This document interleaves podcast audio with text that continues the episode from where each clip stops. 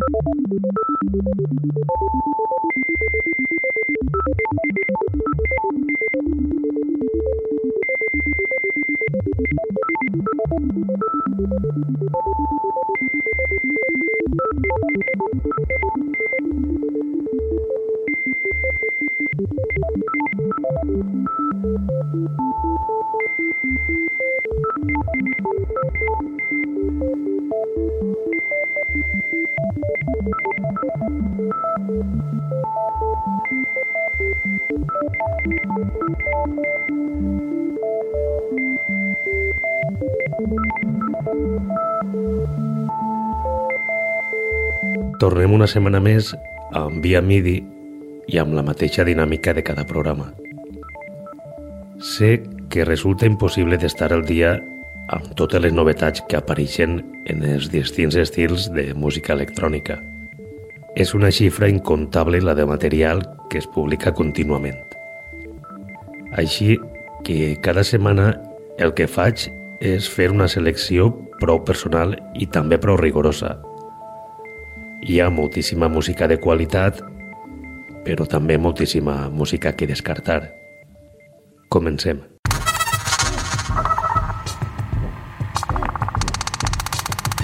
Krzysztof Ostrowski és l'última aposta del polonès Jacek Sienkiewicz per a la seva discogràfica Recognition. Una aposta que segurament sorprendrà a la majoria de seguidors d'esta plataforma per l'estil experimental que utilitza amb poliritmes futuristes, sampletxats elaborats i freqüències greus desafiants. Encara que l'estil que trobem en Recognition és també atrevit i s'allunya prou de convencionalismes, el que és electrònica avançada o IDM no és un gènere, diguem que habitual. I el també polonès Ostrowski es planta amb una autèntica bomba per als amants d'aquest estil experimental. Primary Fluctuation és una referència amb quatre pistes fetes per a llançament en vinil i amb un bonus track per al digital. Mads Lisson és la que ocupa el primer tall de la cara A.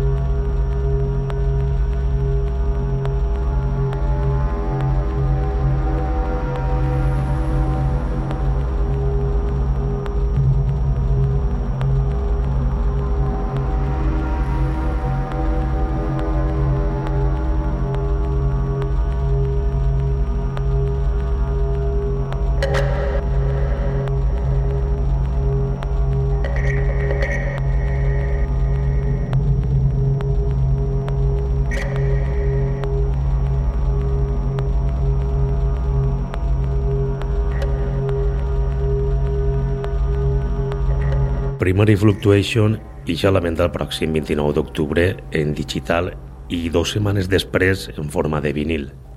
Una bona peça de col·lecció en la que Ostrowski ha realitzat un treball excel·lent i pel que pareix ja Jacep Sienkiewicz queda prou content perquè ha anunciat una sèrie de llançaments més enfocats a l'IDM. Forest Legend és la quarta pista d'este gran treball.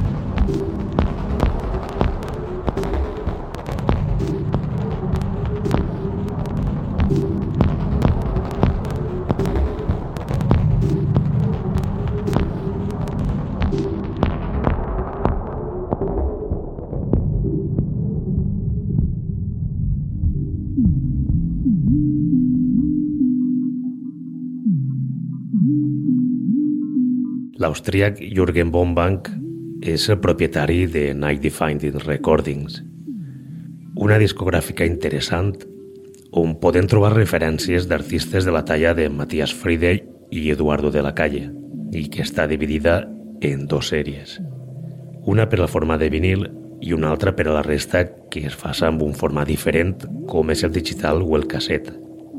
I precisament el casset és el format de gravació escollit per a l'últim debut de Bombank.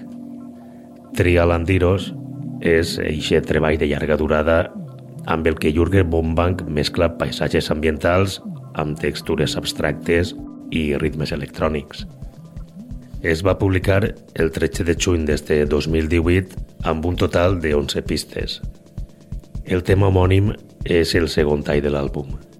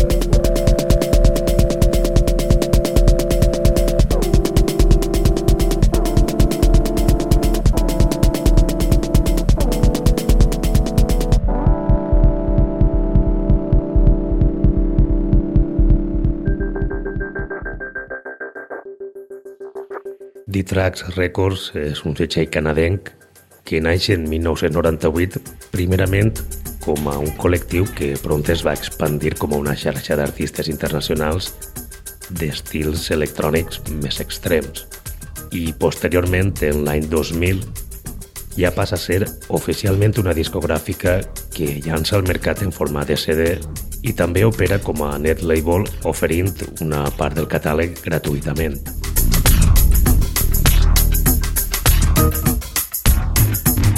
Alan Conroy és un veterà de l'escena electrònica canadenca.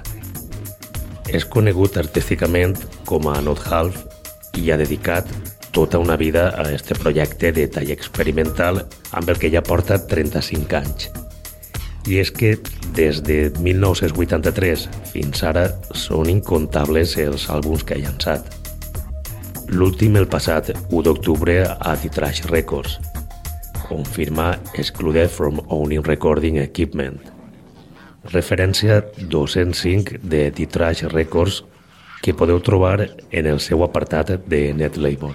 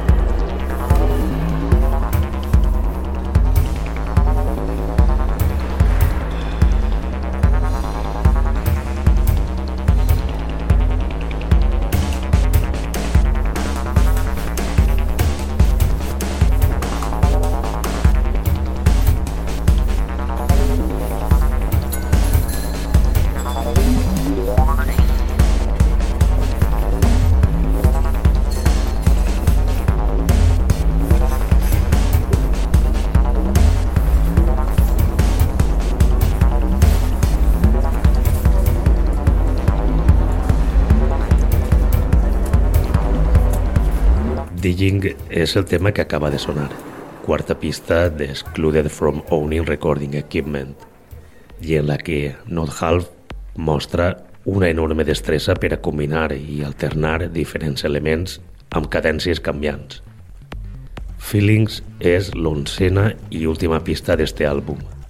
Encara que el ritme siga més marcat, continua sent de mètrica complexa.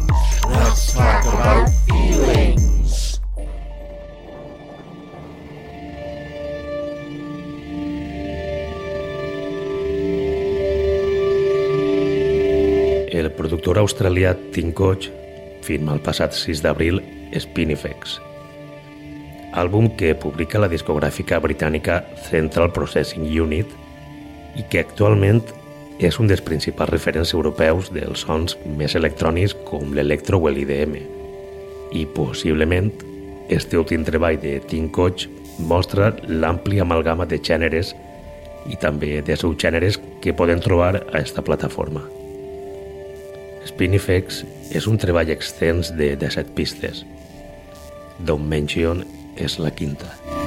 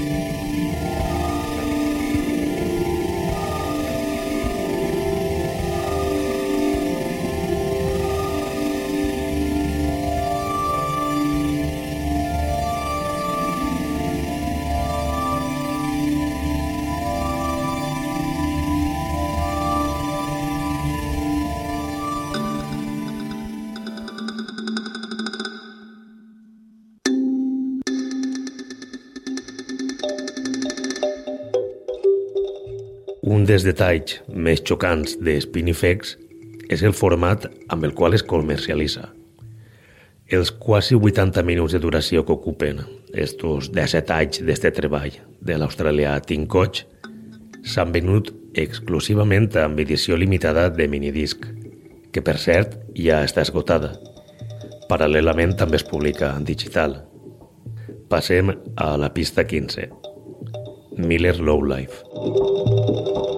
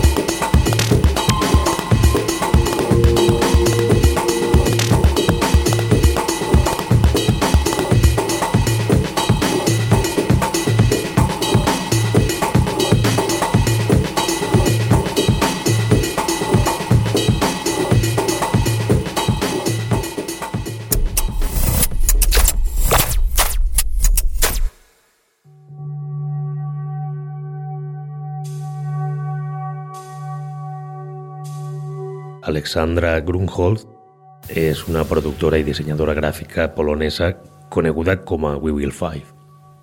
Esta artista llança uns pocs treballs estos anys passats a Monotype Records, però este 2018 s'independissa de qualsevol discogràfica i funda una pròpia on publica en gener una primera referència anomenada Freud i ja en març una segona anomenada Berry Argent.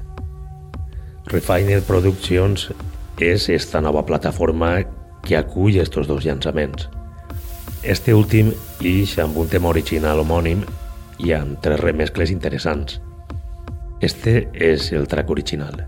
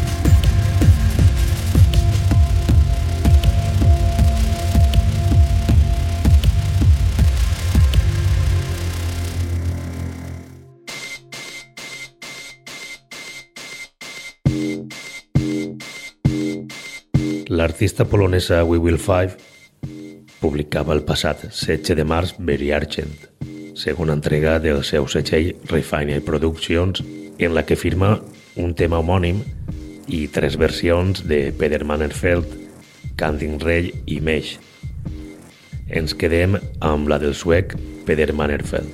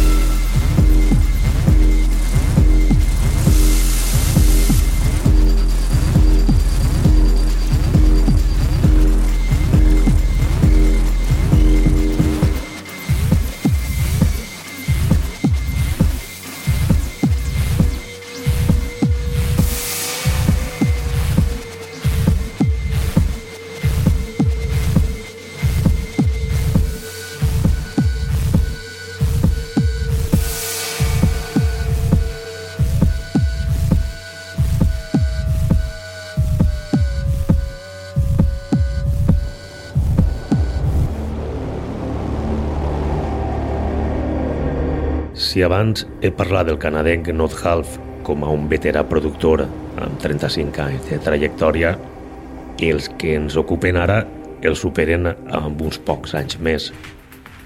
Són els nord-americans Ike Yard, banda formada a Nova York en 1979 que firmen per segona vegada a la discogràfica austríaca Noise Tank.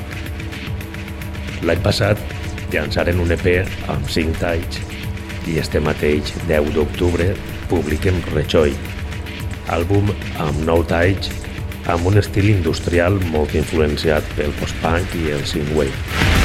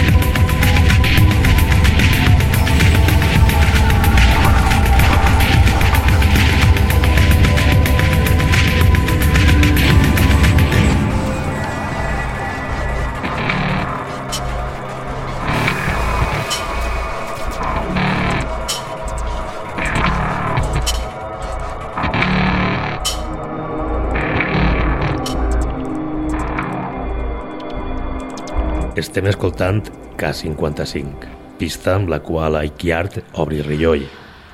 Sister M és també el primer tall, però en este cas de la cara B.